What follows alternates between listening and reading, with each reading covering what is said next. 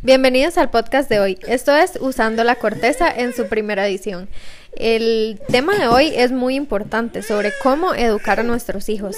Tenemos una invitada muy especial, Melanie, que tiene dos hijos, uno de cinco y uno de dos. Durante esta pandemia ha tenido muchas dificultades, como me imagino que muchas de ustedes también, madres y muchos de ustedes padres. Eh, yo, doctora Hazel, no tengo hijos, entonces por eso he decidido invitar a Melanie para que nos comparta su experiencia. ¿Cómo le va, Melanie?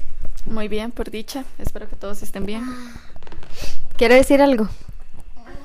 Bueno, Sael no quiere decir nada. Sael es el hijo mayor de 5 años y el que están oyendo gritar por ahí de fondo es, es Quique, el de 2. Eh, vamos a hablar sobre la atención. ¿Por qué la atención? Bueno, la atención es algo que nuestros hijos demandan 24/7 y en esta pandemia es a eso, digamos, la atención es algo que es como muy complicado de satisfacer y de corresponder porque estamos trabajando desde la casa, en nuestra computadora, nuestros hijos demandando la atención de las clases, la maestra y en general pues no sabemos al final qué es lo que debemos hacer ni a quién decirle algo. Cuéntame Melanie, ¿cómo le ha ido?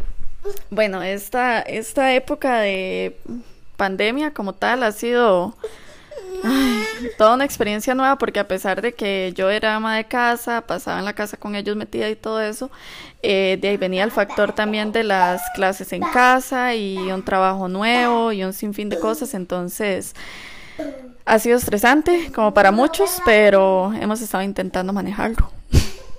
Muy bien, sí, es que Melanie, pues en realidad ha tenido como una situación complicada con respecto este día a la crianza, ¿verdad? Porque no tenemos a veces demasiado apoyo y cuando uno es madre joven, como en el caso de ella, pues tiene que experimentar mucho y, y pues leer y consultar con, con las redes sociales a ver qué consejos se encuentra. ¿Cómo le ha ido usted con respecto a eso?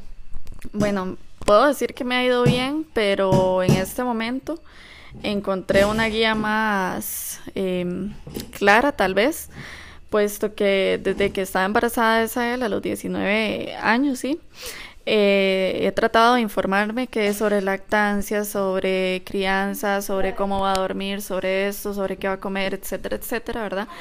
Porque también yo quería demostrar que que una madre joven puede ser una buena madre, ¿verdad? Entonces, eh, sin darme cuenta, quería demostrar eso, pero además de, de todo, de ahí quería que, que, mi hijo en ese momento tuviera de ahí lo mejor de mí. Entonces, puedo decir que me fue bien con toda la información, ¿verdad? Pero, pero, no Tal vez la información que había sobre berrinches y todo eso no está tan bien enfocada como hasta ahorita estoy dándome cuenta. Entonces, em, no sé, o sea, tal vez me informé demasiado, pero hasta ahorita con mi hijo de 5 años y el, dos de, el otro de dos añitos, es que me estoy dando cuenta un poco más sobre cómo debía manejarlo al inicio. No siento que, a ver, no siento que esté retrasada, puesto que la información me está llegando en un momento correcto, puesto que tengo como, como mejorar todo, ¿verdad? Pero tal vez esto le sirva a muchas mamás eh, de que estén una, en una situación similar a la mía, en la que ya están, ¿cómo se dice? Con el agua hasta el cuello, ¿verdad? o con mamás que apenas vayan a empezar, ¿verdad? Ojalá. Sí, bueno, Melanie, es que con respecto a la crianza y esto del neurodesarrollo, lo que usted decía sobre cómo hacer para dormirlos, qué decir, qué no decir, eh, cómo alimentarlos. Eh, bueno, todos esos temas a mí personalmente me apasionan muchísimo desde el curso de pediatría de la universidad y todos los tips que nos enseñan a nosotros que yo creo que deben ser de pues conocimiento público y por eso es que estamos haciendo este podcast, ¿verdad? También. Entonces, este, pues es importante también saber que no venimos al mundo aprendidos y que por más que nosotros leamos la situación pues es solamente por es solamente por por experiencia, ¿verdad? O sea, es prueba y error.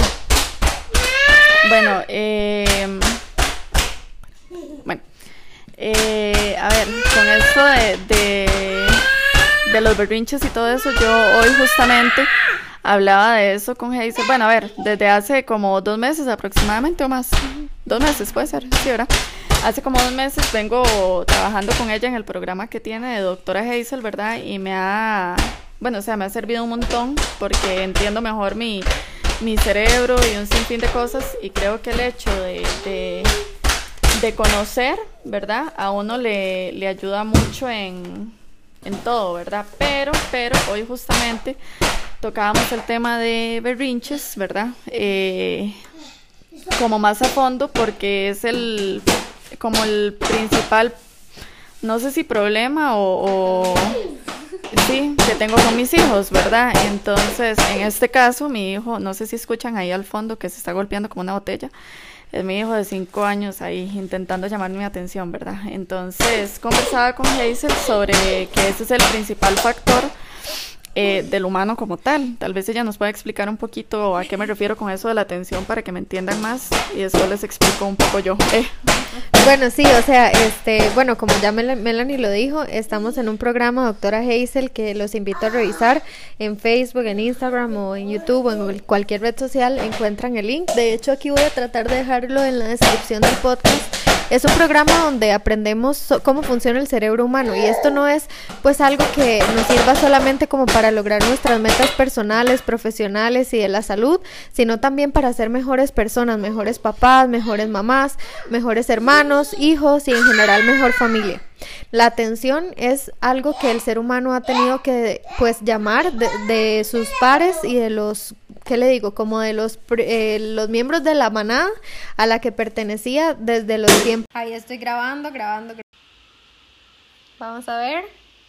Vamos a seguir grabando el episodio La La La. Esta es la primera parte donde tal vez introduzco a la persona que está eh, siendo entrevistada, lo que sea.